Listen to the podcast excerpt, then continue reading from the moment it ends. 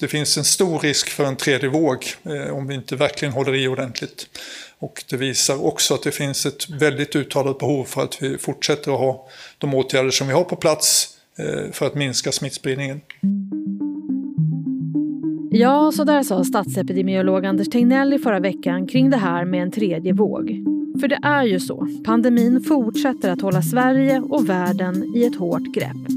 I dagsläget så har drygt 106 miljoner människor smittats och över 2,3 miljoner människor har dött på grund av coronaviruset.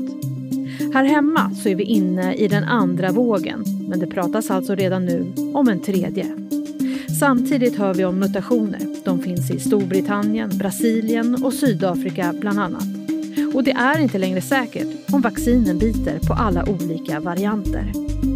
Och nu närmar sig sportloven för alla elever i Sverige och många vill åka till fjällen och åka skidor. Men går det ens att resa? Hur mycket sprider sig smittan från söder till norr om vi gör det? Och den tredje vågen, kommer den och vad kan den innebära? Klarar vi ens av en tredje våg nu? Det här pratar vi om i dagens Aftonbladet Daily. Och det gör vi med Nivette Wood som är Aftonbladets coronareporter. Jag ringde upp Nivette under onsdag den 10 februari så det kan ha hunnit hända en hel del kring det här vi pratar om när du lyssnar på det här. Nivette får i alla fall börja med att berätta om vi är på väg in i en tredje våg. Ja, men jag tänker att vi börjar från början här. Eh, för att Folkhälsomyndigheten presenterade i förra veckan tre stycken scenarier. Alltså framtidsmodeller kan man säga och det gör man återkommande på myndigheten.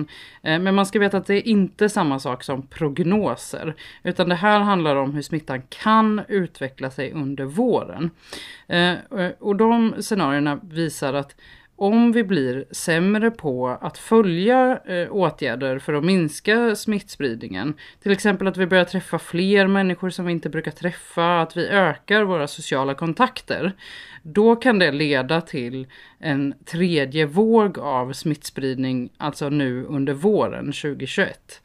Och i eh, det scenariot eh, med ökad smittspridning så har man också Alltså då har man tagit in att smittspridningen skulle vara högre än under hösten, eh, men också att eh, de här mutationerna av coronaviruset att de ökar eh, och att de då är eh, mer smittsamma. Och att de är mer smittsamma, det vet vi redan, men då har man tagit in olika procentsatser på hur smittsamma de, de skulle kunna vara. Vad finns det som talar för att vi är en, på väg in i en tredje våg? Ja, vi är ju inte där ännu, men det finns en stor risk för att vi kan eh, gå in i en tredje våg nu. Det, det säger eh, statsepidemiologen Anders Tegnell. Och, eh, det kan då ske om vi skulle bli sämre på att följa restriktioner och rekommendationer. Det tror Folkhälsomyndigheten. Och ett sådant tillfälle är ju förstås sportlovet som, som kommer nu och som eh, många bävar inför eftersom Eh, det är många som brukar resa då. Eh, och det är faktiskt flera regioner som har varnat för det. Ehm, för att smittspridningen kan öka under sportlovsveckorna. Eh, och sen så har vi också sett i några regioner till exempel Region Västerbotten, där Eh, så sker ju redan en stor smittspridning och där har man infört väldigt stränga lokala åtgärder.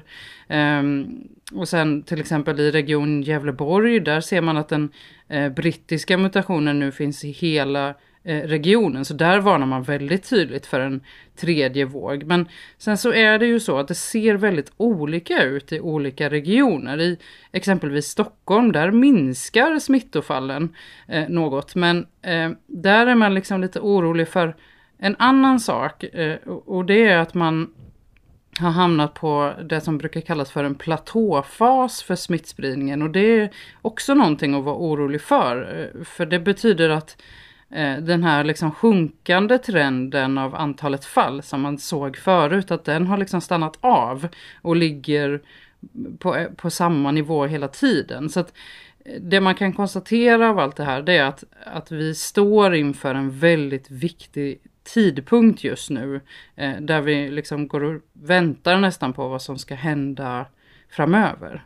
Mm, och det är ju så att sportloven är i antågande i hela Sverige. Och Anders Tegnell sa på tisdagens pressträff att det kanske är bra med lite nollottor i fjällen under sportloven. Nu är det inte bara stockholmarna som har sportlov, men så vad säger Folkhälsomyndigheten om sportlovsresandet då?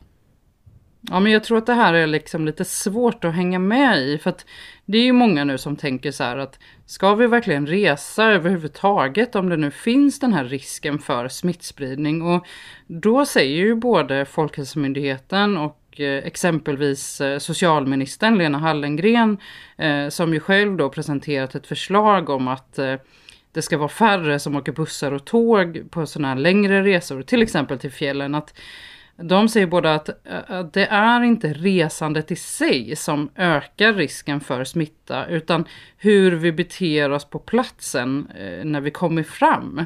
Ehm, och, och, och, det var det som Anders Tegnell tog som exempel, att det är bättre då att stockholmarna till exempel åker eh, i bil och håller sig för sig själva i en, i en stuga då i fjällen eller på skidorter, eh, än att alla som är lediga trängs i till exempel en galleria i Stockholm. Eh, och han har också med sig eh, erfarenheten från jul och nyår. Eh, då såg man att det var eh, många som reste till, till skidorter men att smittspridningen inte ökade. På vissa ställen faktiskt minskade den till och med. Eller den fortsatte att minska liksom. Men, men, så kommer det ju också de här rapporterna om att det är mindre följsamhet på skidorter och som jag sa att det finns regioner som är oroliga för att smittspridningen eh, kan öka. Eh, så det är ju också oroliga och vi vet till exempel att, att det är flera skidorter som har faktiskt infört eh, flera så här mobila teststationer så att den som får sjukdomssymptom snabbt kan eh, testa sig. Så att det sker ju väldigt mycket förberedelser nu och det är ju på grund av den här oron.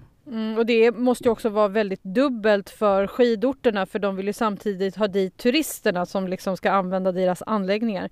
Men eh, vad säger nu då Folkhälsomyndigheten om det här med den tredje vågen?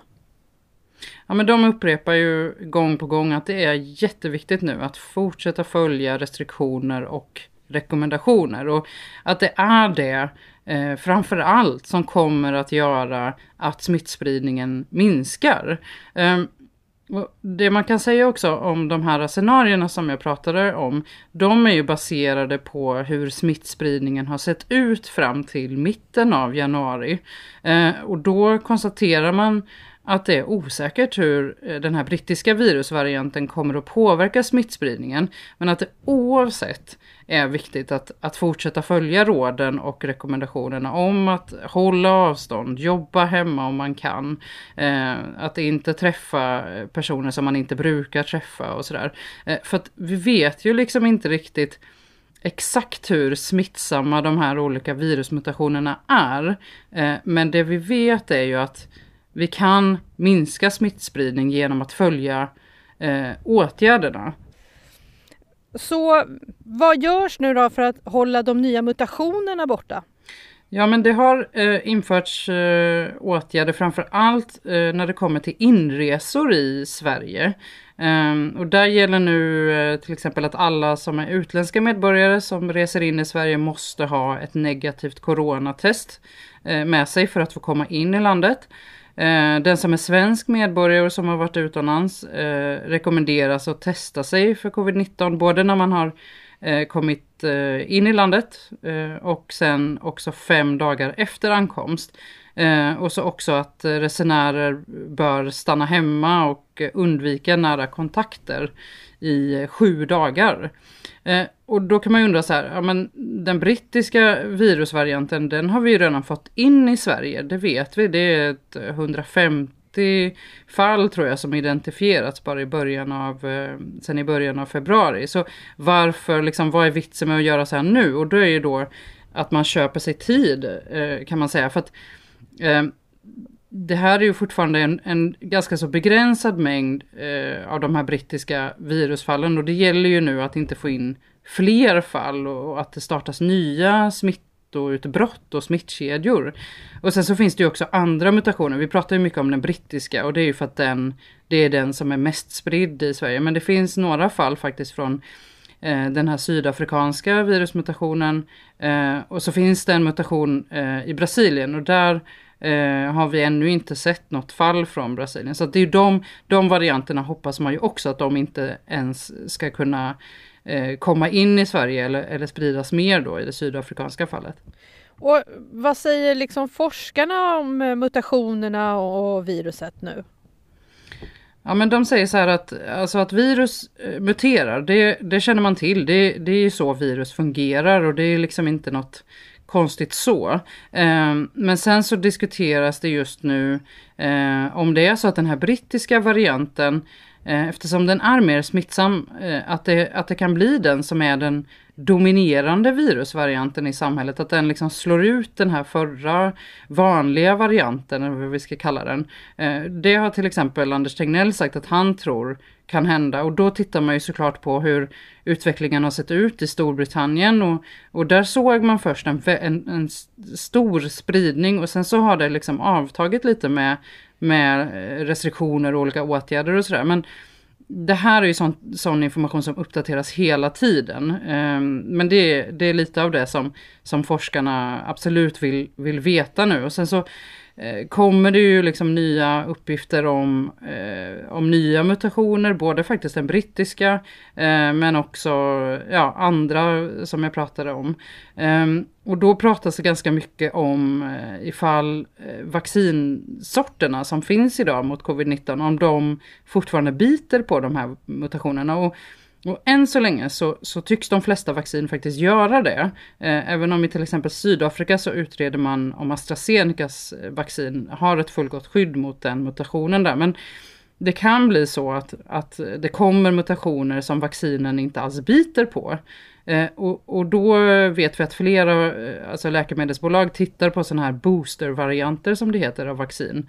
Eh, som då kan skydda mot muterade virusvarianter. Så att det här blir ju någonting verkligen att hålla koll på framöver.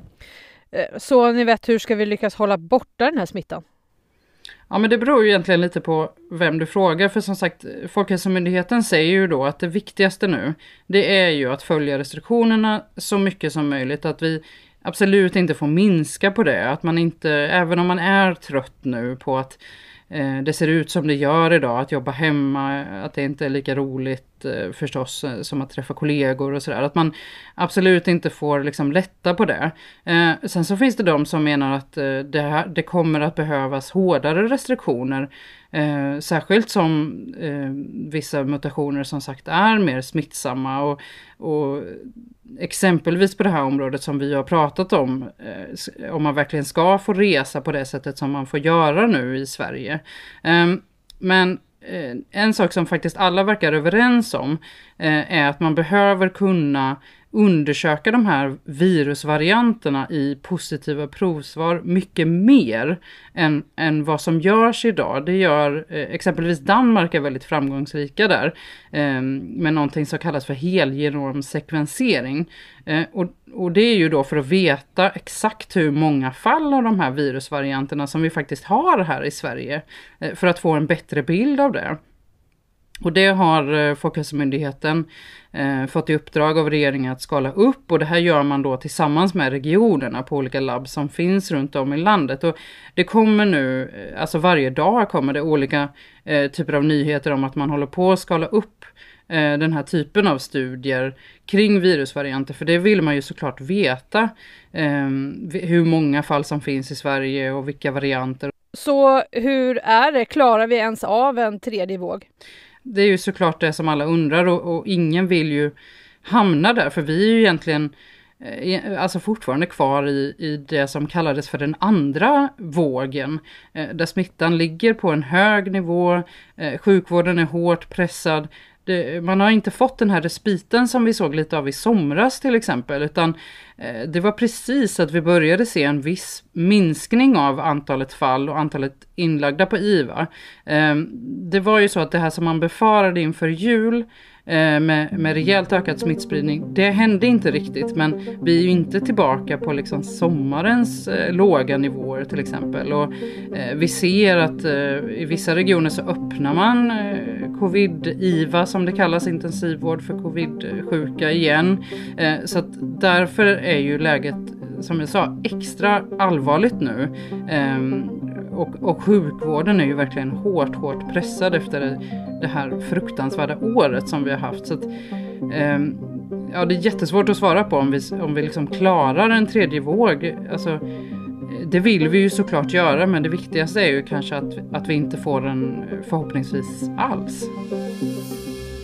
Sist här hörde vi Nivetta Wood som är Aftonbladets coronareporter. Jag heter Jenny Ågren och du har lyssnat på Aftonbladet Daily. Vi är snart tillbaka med nya avsnitt. Vi hörs snart igen. Hej då!